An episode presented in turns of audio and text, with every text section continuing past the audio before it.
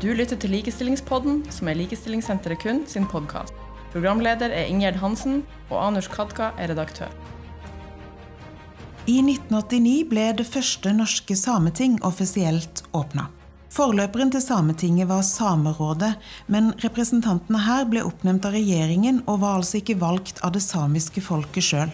I sameloven av 1987 ble det tydelig slått fast at Norge skulle ha sitt eget sameting, valgt av det samiske folk. Og den høytidelige åpningen skulle skje 9.10.1989. Nå satt Majesteten på flyet nordover, og da var det sånn Nå er vi kommet til the point of no return. Og nå, nå er vi bare nødt til å, eh, å lage denne historiske dagen. Jeg, jeg kjenner enda jeg får et sånn søkk i, i meg når jeg tenker på den følelsen jeg hadde. 1.6 samme år ble Marit Myhrvold ansatt i Norsk Sameråd for å lede arbeidet med åpningen. Marit Myhrvold har i dag doktorgrad i sosialantropologi, og hun er forsker hos SANKS. Men i juni 1989 var hun en ung ildsjel som sammen med tre medarbeidere fikk ansvaret for å planlegge åpningen av det første Sametinget. Og Likestillingspodden møtte Marit Myhrvold til en samtale om denne merkedagen i norsk politikk.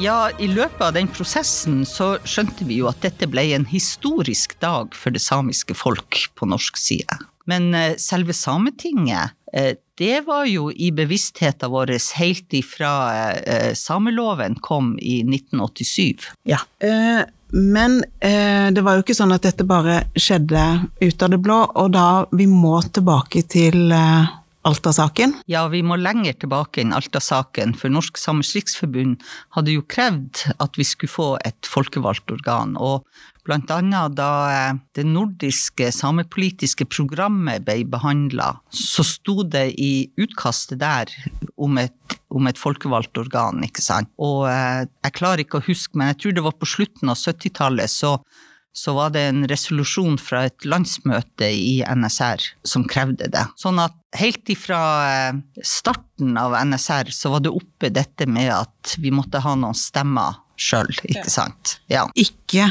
stemmer som regjeringen hadde oppnevnt skulle tale på vegne av det samiske folk, men egne stemmer. Ja, men, men, det som også er viktig her, og jeg må si det med en gang, for at det viser forskjellene på de nordiske land og, og samiske organer. For i 1953 så fikk vi Samisk råd for Finnmark.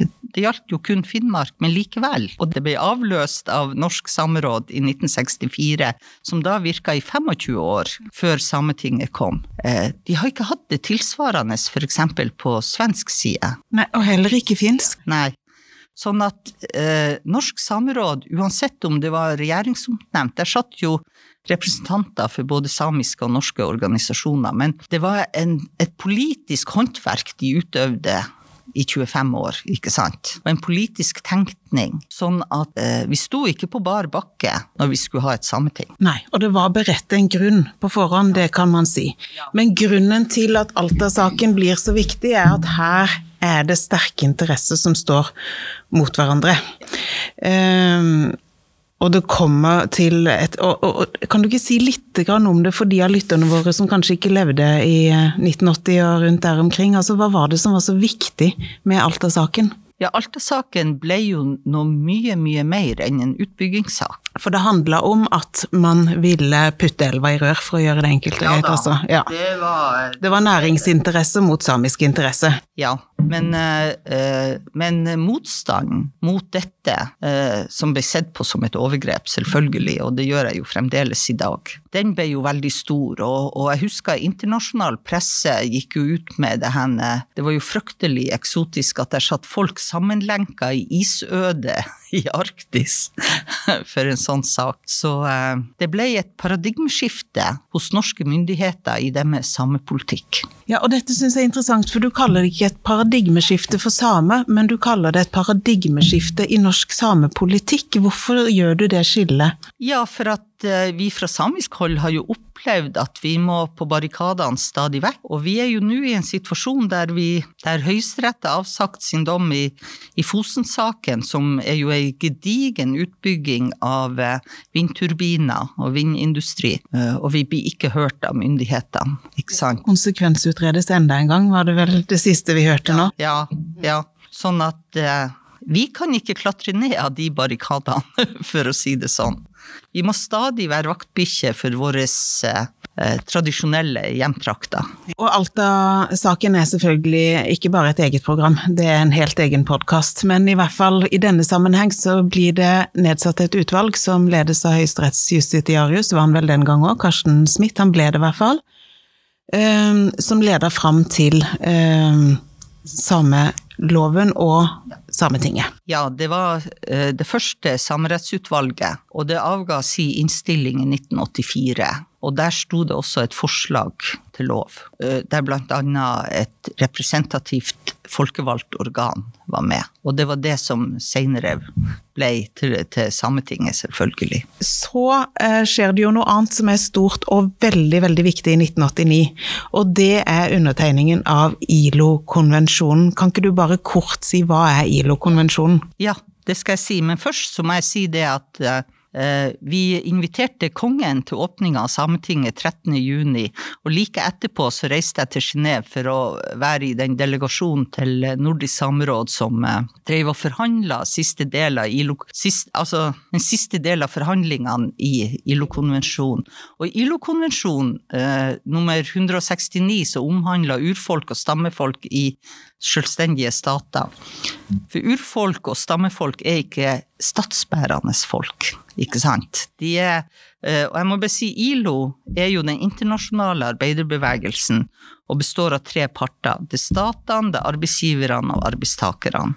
Og de forhandla da en ny, revidert utgave, det ble en helt ny konvensjon. For den første kom i 19, eh, 1957, tror jeg, og den la veldig vekt på at urfolk skulle assimileres inn i storsamfunnet. Det, det var ikke denne konvensjonen. Der var det mye mer vekt på rettigheter.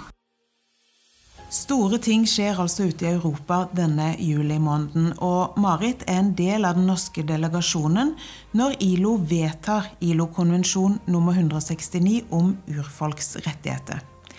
Denne konvensjonen slår jo nettopp fast at urbefolkninger og stammefolk har rett til å utvikle sin egenart, og at de har krav på å bli tatt med på råd når stater fatter vedtak som påvirker deres livsform. Så Marit returnerer fra Genéve til Karasjok for å jobbe videre med åpningen av det norske Sametinget, og bl.a. med å se på muligheten for at kong Olav kunne delta på denne åpningen. Norsk Samråd hadde jo ytra ønske om at kongen skulle invitere. så den 13. juni 1989 så gikk det altså invitasjon til Slottet. Uh, og vi fikk da uh, selvfølgelig bekreftelse fra Slottet, fra kabinettsekretær Magne Hagen, på at de hadde mottatt denne invitasjonen. Uh, Sametinget skulle åpne 9. oktober, og tre og en halv uke før da er vi i september en gang. Eh, kom det bekreftelse på at kongen skulle eh, delta. Ja, så inntil da så var alt uvisst? Ja, det var det. Og vi, vi måtte jo hele tida ha en slags sånn i alt vi planla, at hvis kongen kommer, så må vi gjøre det, ikke sant.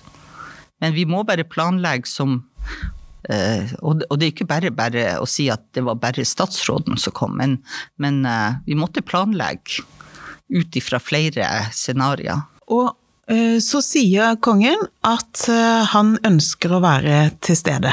Eh, hvilken betydning hadde det, for å ta det først, at, at kongen faktisk er med på denne åpningen? Var det viktig? Det var utrolig viktig. Og i ettertid så ser vi hvor mye, mye mer viktig det var enn, enn vi kanskje så det da. Fordi at eh, kong Olav han ga en legitimitet til Sametinget som vi aldri må undervurdere. Og blant annet for den eldre befolkninga, samiske befolkninga, så betydde dette utrolig mye. Og eh, for en del av disputten om Sametinget og valgmanntall og registrering og sånn, gikk jo nemlig tilbake til andre verdenskrig. Om at eh, det okkupasjonsmakta i Norge ikke så blitt på den samiske befolkninga. Så eh, det var utrolig viktig at kongen kom. Det var en anerkjennelse, det var en legitimering av Sametinget. Og, og, vi tar det virkelig med nå, fordi eh, så skjønner jo du etter hvert og som arrangementsansvarlig her at men når kongen kommer, da er det visse ting som man faktisk ikke kan overse. Altså, kan du nevne noen eksempler på dette? Det er noen regler man må følge da? Ja, det finnes en statsprotokoll for kongebesøk. Ja. Den hadde ikke vi kompetanse i. Nei. Men vi fikk jo det etter hvert, og blant annet så så ble det jo eh, det, det, var jo eh, noen som syntes at det var veldig trasig at vi måtte avsønne kongesangen, selv om vi gjorde det både på samisk og norsk istedenfor den samiske nasjonalsangen. For da kan man ikke åpne Sametinget med å synge den samiske nasjonalsangen? Da måtte man åpne ja. med å synge kongesangen? Ja, vi, vi, sang jo nasjonalsangen på mottakelsen på kvelden da, men uh, det, det, var akkurat sånne ting. Og, og, og en, en, annen sak var jo at da kommer jo politiet inn for fullt. Ja. ja. Og sist gang samer og politi møttes så offentlig, det var jo det var jo under Alta-aksjonen. Og det hadde vi veldig, veldig eh, framme i pannebrasken når vi skulle treffes første gang. Men dette samarbeidet gikk utrolig bra. For da var det viktig å ha møter på forhånd med politiet? Ja, vi hadde, vi hadde møter eh, nesten kontinuerlig med politiet, for vi var helt avhengige av dem. Og heldigvis så hadde politiet eh, samme høst hadde jeg erfaring med kongebesøk når kongen skulle åpne en vei i Finnmark sånn at de kunne fortelle oss veldig mye. Eh, og så eh, har dere jo da fått et budsjett for eh, denne åpningen. Og igjen, jeg gjentar, det er et helt nytt folkevalgt eh, organ som skal åpnes pomp og prakt i Norge. Eh, med det svimlende budsjettet på var det rundt 60 000 kroner dere hadde totalt? Ja, og, og, det var faktisk også oppdelt i at vi kunne bruke 20 000 til en festmiddag, og det var vel kongelunsjen det var snakk om her. Ja. Og så skulle vi bruke 40 000 eh, til å få opp til reise og bespisning og overnatting til eh, 39 nyvalgte representanter, til 18 representanter fra Norsk Sameråd, til artister, til inviterte gjester. I det hele tatt eh, så hadde ikke det latt seg gjøre i dag. Nei, og det er vel knapt så det lot seg gjøre i 1989 heller. Altså, det var jo ikke sånn at en flybillett eh, At du greit kunne få en eh, flybillett tur-retur for 1000 kroner, liksom. Nei. Der, der må jeg si at eh, der skylder vi statsråd Kjell Borgen en, en stor takk, for han, han reiste Han var jo der oppe ja. i Karasjok. Han var kommunalminister, og han visste jo at regjeringa måtte gå av fire dager etterpå. Så eh, Eller kanskje det var ei uke etterpå, jeg husker ikke. Men eh, så han bevilga 50 000 ekstra. For hvis ikke så hadde det rett og slett ja. ikke gått, så tenker jeg. For det 39 representanter, bare det er jo 40 000 kroner. Men da var det jo ikke sånn at dere kunne eh, leie inn profesjon... Altså dette skulle jo plutselig direktesendes òg, ja. av NRK. Ja. Eh, det var jo ikke sånn at dere hadde et eh, hus. altså Sametinget sånn som det står i dag, kom jo først i år 2000. Mm. Så selve fasilitetene, hva, hva var det? Ja, der hadde vi da sett oss ut, siden dette skulle foregå i Karasjok, så hadde vi sett oss ut Kulturhuset. Så hvis det Kulturhuset i Karasjok er bygd sammen med NRK Sápmi, som heter NRK Sameradioen da, og de disponerte det hver mandag. Og 9. oktober var en mandag, så vi måtte avklare med dem, men de sa jo selvfølgelig ja. Ja. Så vi fikk jo disponere det, og eh, vi hadde også et veldig godt samarbeid med NRK Sápmi, og de hadde jo da sin største sending til da, var jo overføringa av sametingsåpninga. Og så er det jo sånn at Når vi har åpning av Stortinget, så leier jo Stortinget inn profesjonelle dekoratører eh, hvert år. Altså man har fine blomsteroppsatser. Eh, her hadde vi Marit Myhrvold. er ikke det riktig å si? Altså, her skal scenen direktesendes til det norske folk på NRK, og dekoratøren Hør selv eh, må stille opp. Hvordan løste ja. dere dette, f.eks.? Ja, vi diskuterte det jo i arrangementsgruppa, og vi hadde jo eh, da penger til en blomsterkvast fremme på scenen, men så ville vi jo gjerne at dette skulle vises for et samisk arrangement. Og eh, siden det var tre år siden sameflagget var, eh, var bestemt av Nordisk sameråd, så hadde vi jo det vi kaller for flaggfargene, eller de samiske flaggene. Nei, de samiske fargene, unnskyld. Um, så vi kjøpte ruller med, med, med, med klede, med ullstoff, som vi bruker i, i eh, koftene våre. Og da kjøpte vi rødt, gult, grønt og blått, og så spente vi det opp på hver side av scenen, så det ble helt klart ganske samisk. Og det er veldig fint. Ja. Ja, altså nå er det sånn at man kan gå inn på NRK, og så hvis man da googler åpningen av Sametinget, så får man i hvert fall eh, reportasjen som ble laga i forbindelse med 25-årsjubileet til Sametinget. Så der er det noen klipp fra åpningen og denne fine scenen. Men det som òg er litt rørende der, er at uh, i det programmet så ser vi at kongen, kongen kommer gående inn sammen med en kvinne som går i brun skinnkofte. Vi skal komme tilbake til henne. Uh, men han blir møtt av noen barn som står på utsida. Ja, vi ønsker jo uh et best mulig program, og det var jo arrangementskomiteen hadde jo ansvar for programmet. Og for å vise et speilbilde av hele Sápmi, så ønsker vi å få uh, så mange uh, unger som mulig i ulike kofter fra hele Sápmi. Fra sørsamisk og helt til varangersamisk. Uh, og, og der var ti unger som de var vel sånn cirka fra fem til ti år, kanskje. Og gutt og jente der det var mulig, for det er jo ulike kofter, ikke sant. Som sto og hilste kongen med hver sin rose.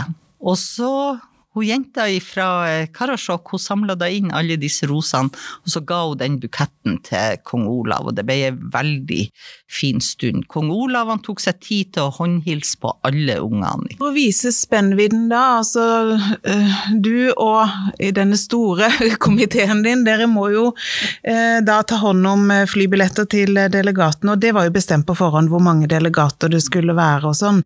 Men, men uh, i tillegg til å dekorere scener og bestemme hva som skal være til middag, så er det jo et politisk system som skal settes her, og åpningen var den niende.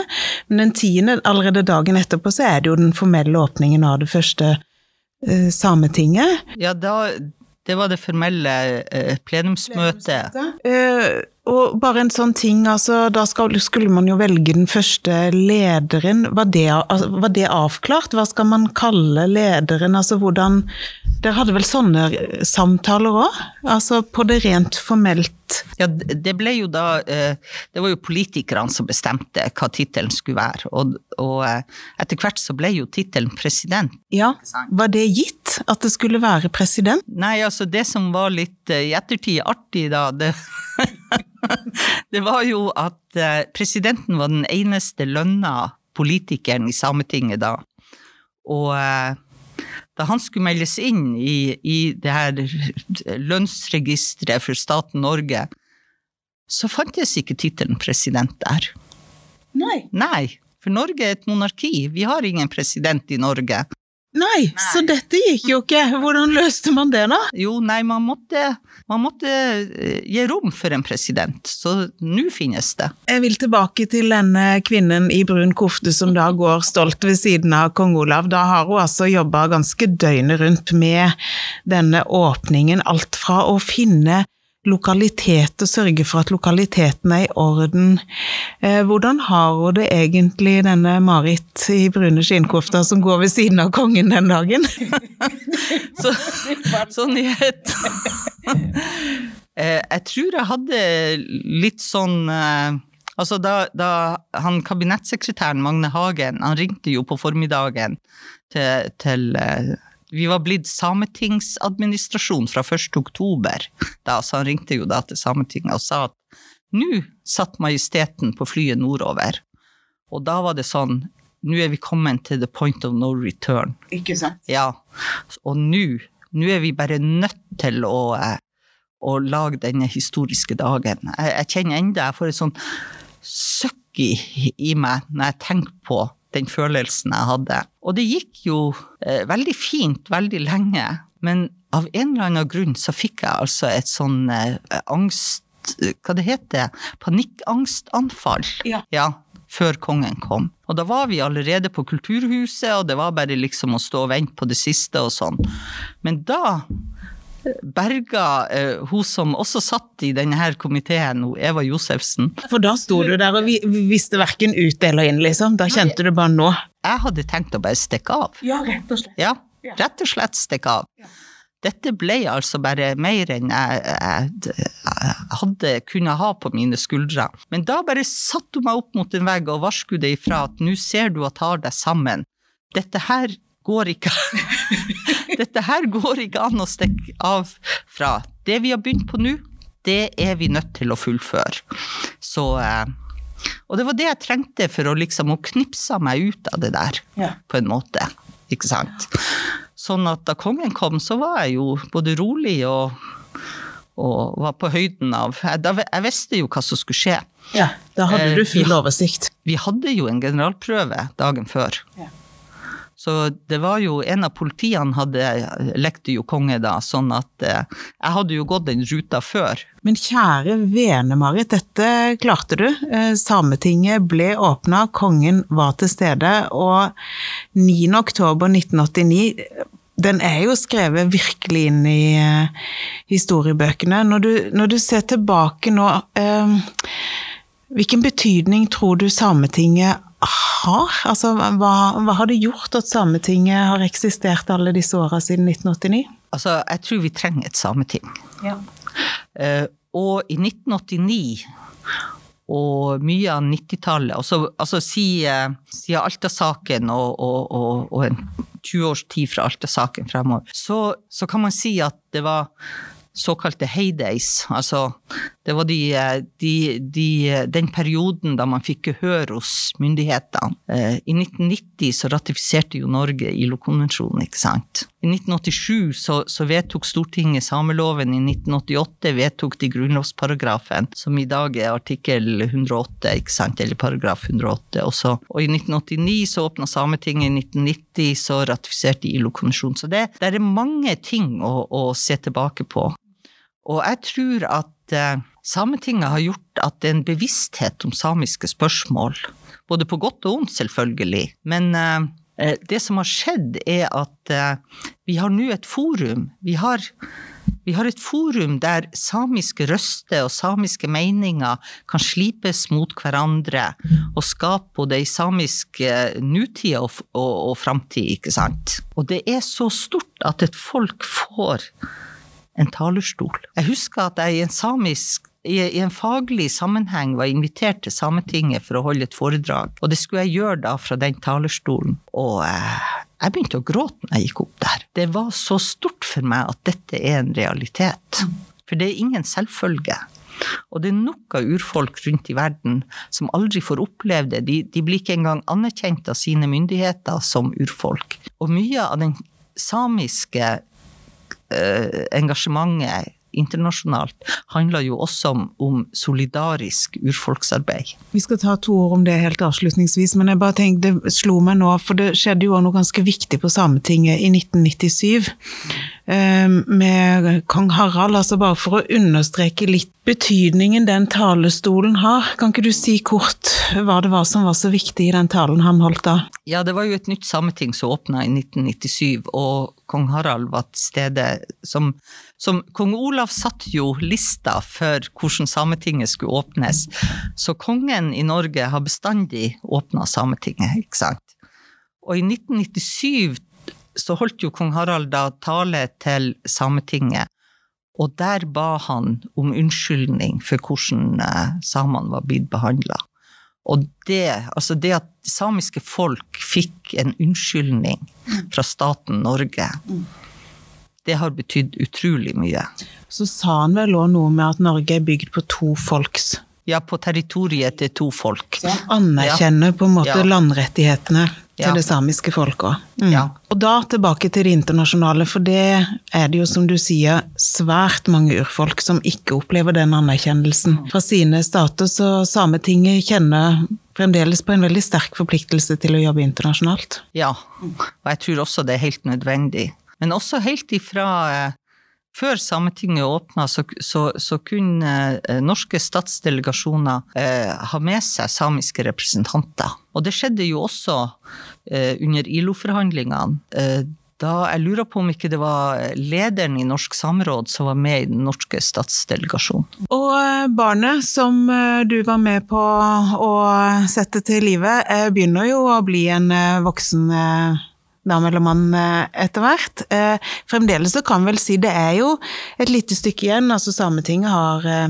det er konsultasjonsrett overfor regjeringen, men ikke på statsbudsjettet. Det er jo noen sånn penger som tildeles her, så det er jo fremdeles saker som må debatteres og, og diskuteres, men som en sånn oppsummering, Marit. Er du litt stolt av denne unge damen du, du var med på å skape?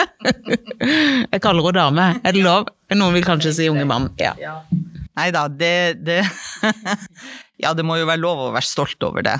Man var jo med på noe historisk, og man hadde jo innvirkning på hvordan dette skulle være. Så, og, og nå har vi jo bare snakka om noen få ting av det som skjedde, ikke sant. Så eh, altså, Karasjok kommune hadde jo ei hel uke som sånn, eh, ei hel kulturuke med med, med, ulike ting. Og vi inviterte jo samiske kunstnerorganisasjoner, og teater og alt til å gjøre denne uka til noe helt spesielt, sånn at det skjedde enormt mye. Og så heiste vi jo det samiske flagget for første gang i en så stor uh, offisiell uh, hendelse, ikke sant. Mm.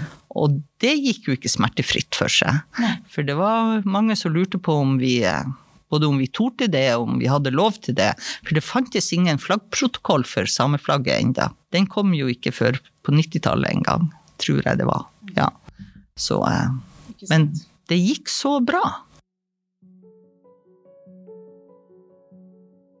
Du har lytta til en episode av Likestillingspodden fra Likestillingssenteret KUN. Hør også gjerne flere av våre episoder, og vi blir glad om du vil abonnere på podkasten. Den er gratis, og du finner den på Spotify, Google Podcast, Apple Podcast, Radio Public eller på hjemmesiden vår kun.no likestillingspodden.